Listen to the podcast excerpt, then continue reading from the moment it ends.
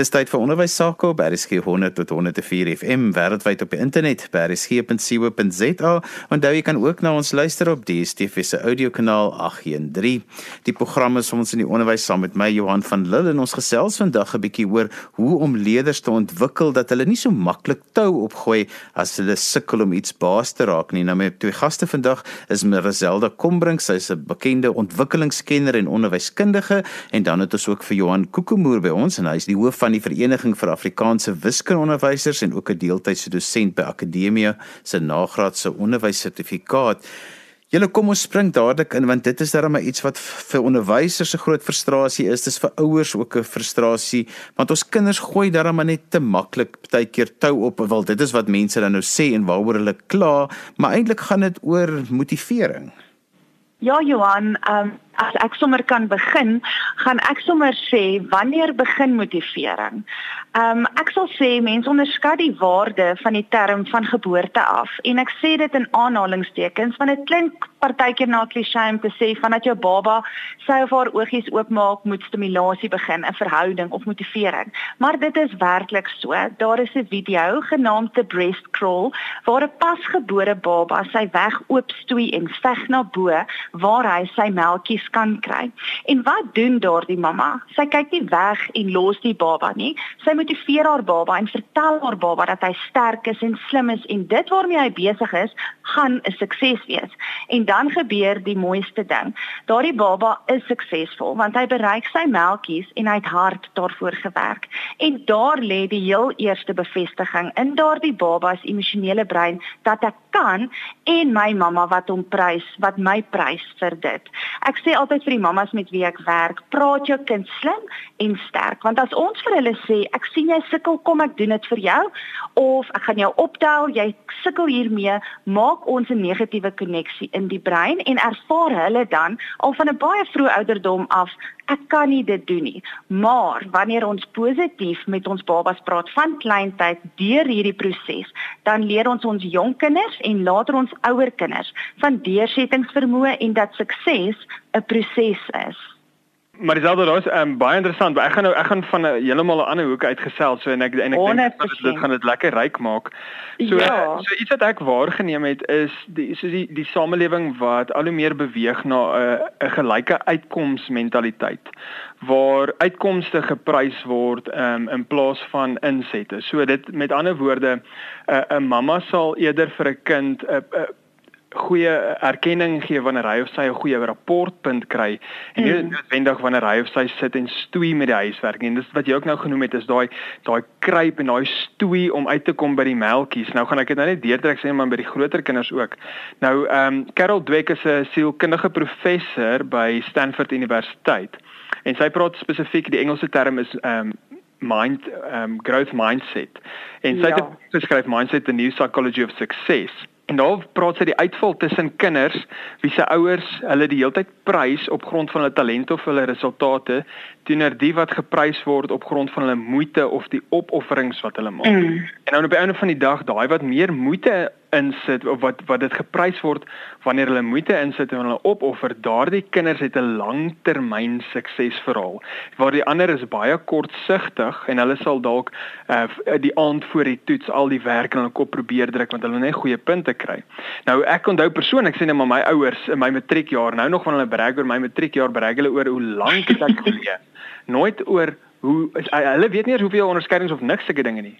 Vir hulle was dit merkwaardig dat ek kon vir ure lank sit en leer. Nie my hele skoolloopbaan nie, maar dit was iets wat ek toe deurgetrek het en toe gesien het, maar dit werk is wanneer ouers dan kinders se insette prys in plaas van hulle uitsette. So dit dis hoe ons as ouers dan ook so ons kinders kan kweek om hoekom ek sê sukkel te aanvaar as deel van die realiteit van lewe.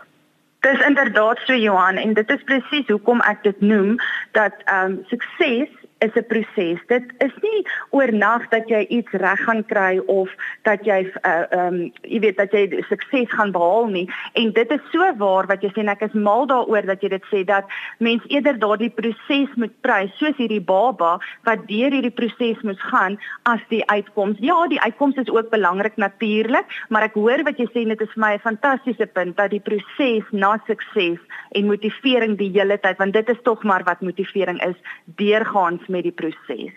Ek wil nou hier inkom want een van my groot mentors is Wilna van Rooyen, die groot onderwyskundige wat kom by voorskoolse onderwys en sy praat altyd so oor kinders se waagmoed en hoe dit moet ontwikkel word in voorskoolse onderwys, maar dan sê hartseer gedeelte dat daai waagmoed ver, verlore mens nou langs die pad en motivering en waagmoed en daai dinge gaan vir my saam en dan kom kinders op die punt dat hulle amper nie eers wil voor hulle uh, wil begin, nie eers wil begin nie want hulle hulle is te bang.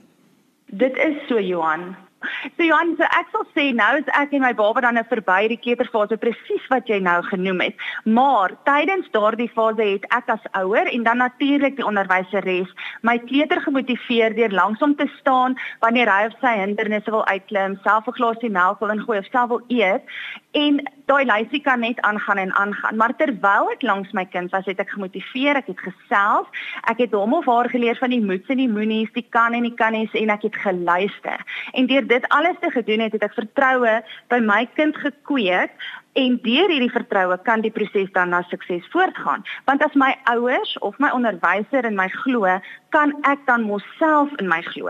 En dan deur dit wat ek sê om die heeltyd kinders positief en goeie moed in te praat, sê ek nie dat hulle nie mag weet van hulle tekortkominge nie. Ek dink tog ons elkeen weet self waar lê ons tekortkominge en wat kan ek doen en wat kan ek nie doen nie.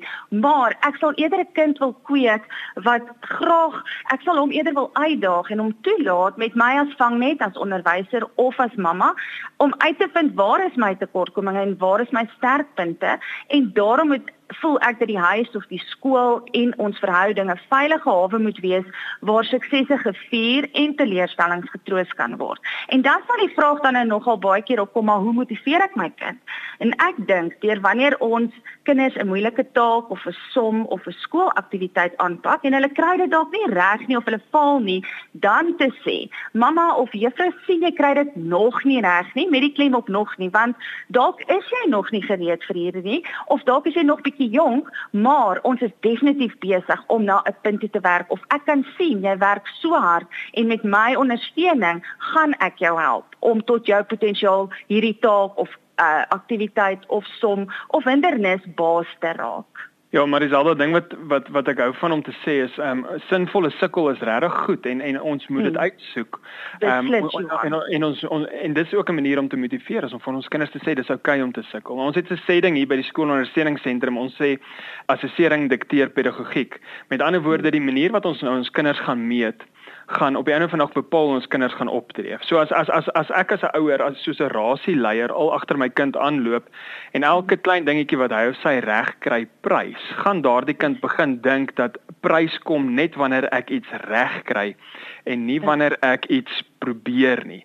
En dit maak 'n ongelooflike toe-ingesteldheid rondom probleme aanpak, want dan sal hierdie kind net daai waagmoed hê wanneer hy of sy weet dit is die risiko werd dat daar is 'n kans dat ek dit gaan regkry. As daai kind weet daar is die ja. kans is hoogs onwaarskynlik dat ek dit gaan regkry, gaan hy of sy dit nie aanpak nie. En, en dink gou ons as groot mense presies dieselfde. Ehm um, wanneer ons byvoorbeeld tot op 'n nuwe dieet moet gaan of wanneer ons 'n nuwe oefenprogram of 'n nuwe doelwit aan die begin van die jaar. Daai daardie doelwitte wat ons weet is nie haalbaar nie. Ons pak dit nie eens aan nie. Ons het nie daai waagmoed om te probeer en dan ook so te vertrou op die onderbou wat wat reeds daar is nie, want ons in ons kop dink ons ons gaan dit nie maak nie en as ek dit nie maak nie, is ek 'n mislukking en iewers het het om te misluk het um, 'n negatiewe konnotasie gekry. Waar mislukking is is die roete van meeste suksesvolle mense ehm um, hoe hulle daarby uitgekom het is deur 'n reeks mislukkings.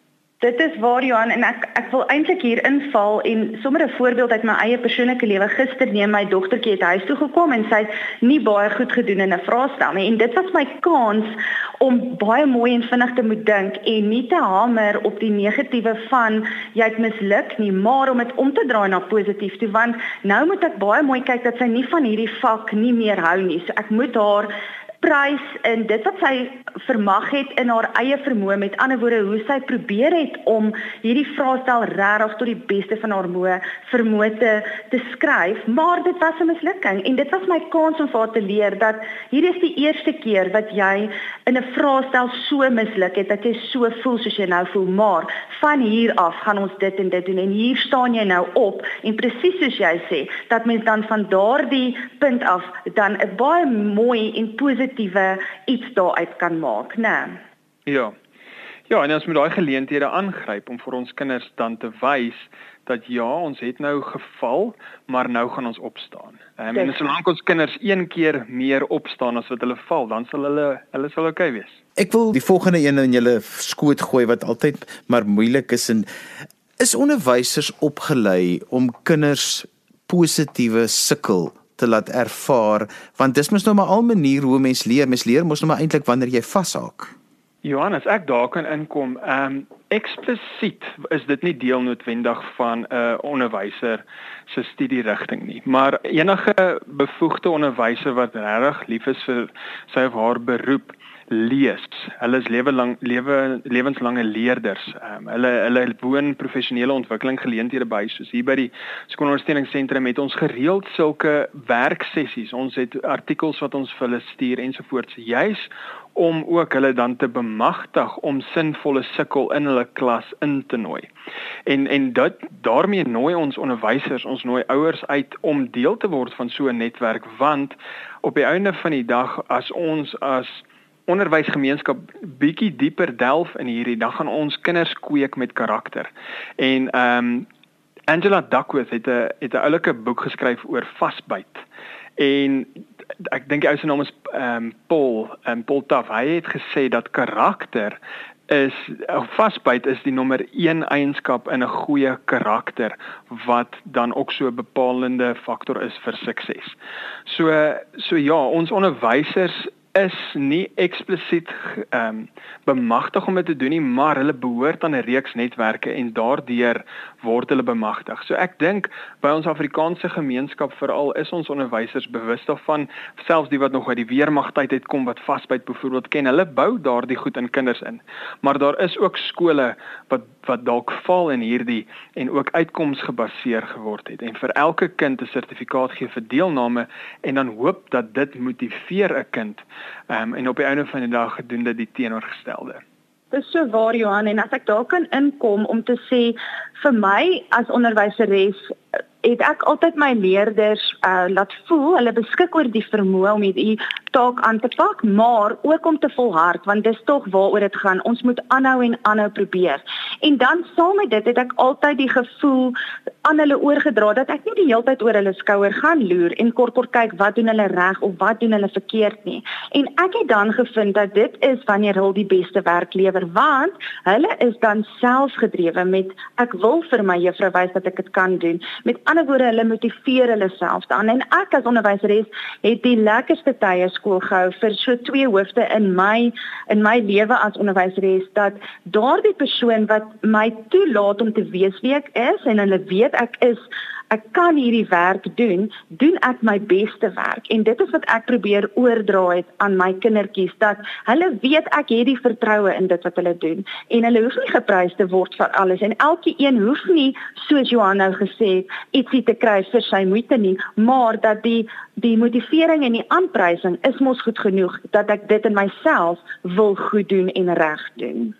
Ons leef nou in 'n wêreld waar kinders eintlik so 'n kits of onmiddellike terugvoer of bevrediging kry. As ek nie van iets hou nie, dan doen ek iets anders. Ek kan maar net dadelik na 'n ander kanaal toe gaan of ek skakel 'n nuwe uh, toepassing aan of ek begin met 'n uh, uh, weet ek, ek kyk iets anders, ek doen iets anders.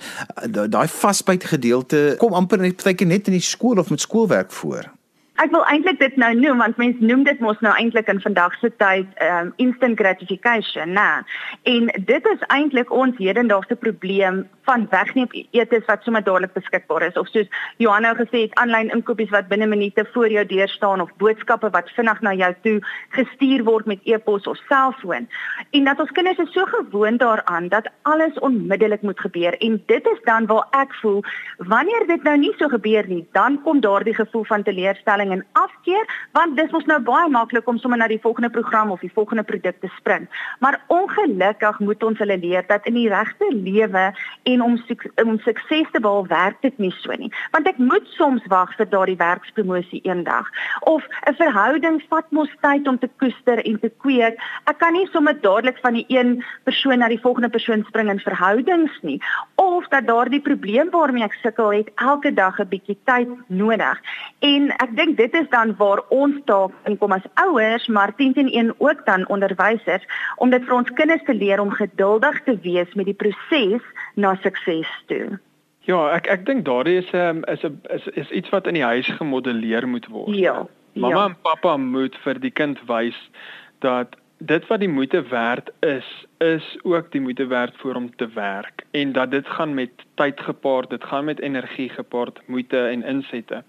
Maar ons ouers self het ingekoop op hierdie kits samelewing. Ons ouers self het ingekoop op 'n 'n 14 dag gewig verloor proses of 'n 'n 1 maand dan is jy dan lyk jy gebou soos 'n rugby speler of 'n kredietkaart die oomblik as daar bietjie knyp is. So ons ouers het eintlik al begin in die huise val in dit waar in die verlede was daar nie al hierdie kits oplossings nie. So kinders kon hulle ouers sien sukkel saam sukkel en dan deur dit beweeg al het daai ouers vir 'n jaar lank gesukkel het hierdie kinders gesien dat as hulle vasbyt vir lank genoeg en lank genoeg werk aan 'n probleem is op die einde van die dag alle probleme oplosbaar Johan, kom ons gee nou wenke vir onderwysers wat nou op hierdie stadium ongelukkig sit met 'n generasie wat maklik tou opgooi en wat nie daarvan hou om te sukkel nie. Wat kan 'n onderwyser doen met die klas en wat voor hulle sit? Ehm um, so so wat wat wat ek persoonlik ook gedoen het en wat ek wat ek gereeld met onderwysers oor gesels is die eerste ding is prys inset en nie uitset nie. As jou kind in die klas sit en werk, um, erken dit. Moenie wag vir 'n toets of 'n eksamen en dan op grond van daai uitslae die kind enige vorm van erkenning gee nie. Sê vir hom ek sien jou, ek sien jou raak. Dit wat jy doen is merkwaardig. Jy doen dit bo op jou werkklas, bo op jou buitemuur. Baie dankie vir daardie inset. Ongeag wat is die wat die resultaat is, want die resultate gaan kom. Goed. Dan die tweede ding is leer kinders dat aanhou wen. En en ongelukkig word dit nie so goed in 'n skool gemodelleer nie want daar is 'n spesifieke tydsraamwerk waarin goeders moet plaasvind. So alhoewel die kind iets sou bemeester dalk oor 2 of 3 jaar, is dit nie noodwendig altyd prakties moontlik in 'n skool opset nie. Maar om vir die kind te, te herinner dat wanneer ek en jy aanhou, sal ons wen. Ons gaan net dalk soms eksterne hulp moet moet inroep. En die derde ding is help kinders om doelwitte te bou. Ehm um, omrede ons in hierdie kits ehm um, samelewing is is daar is die mense verskriklik kortsigtig wanneer dit kom by doelwitte. Die kind wil in die volgende toets goed doen.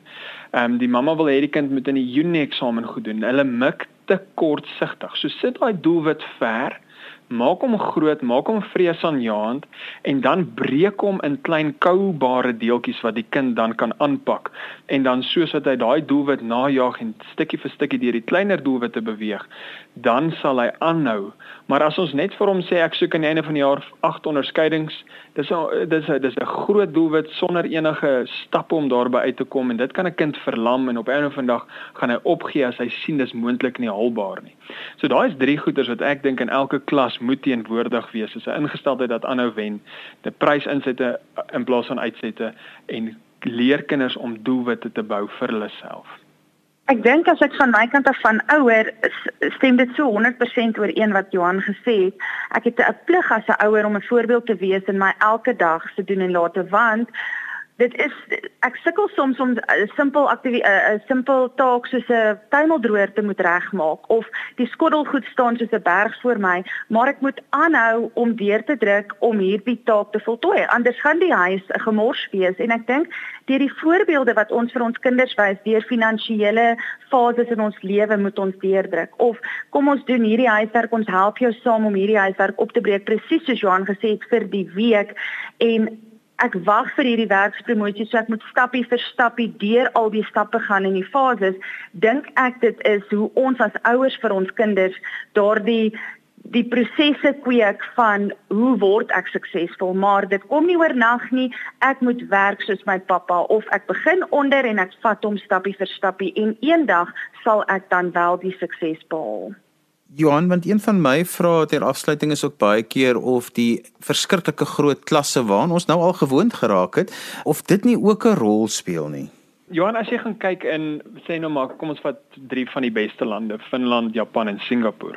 Gaan jy nou Singapore toe, dan is daar gemiddelde grootte klasse, gaan jy Finland toe klein klasse, gaan jy Japan toe groot klasse.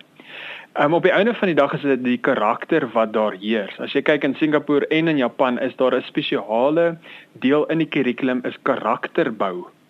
En as daar as die karakter sterk genoeg is, Ehm um, en, en as daai kind se karakter reg vasgelê is, dan kan jy hom in 'n klas sit van 300 kinders. En daai kind gaan daar ingaan met 'n doel en hy gaan nou uitstap met die nodige werk wat gedoen is. En dit sien ons op universiteite van daai klasse is dit 1000 kinders groot.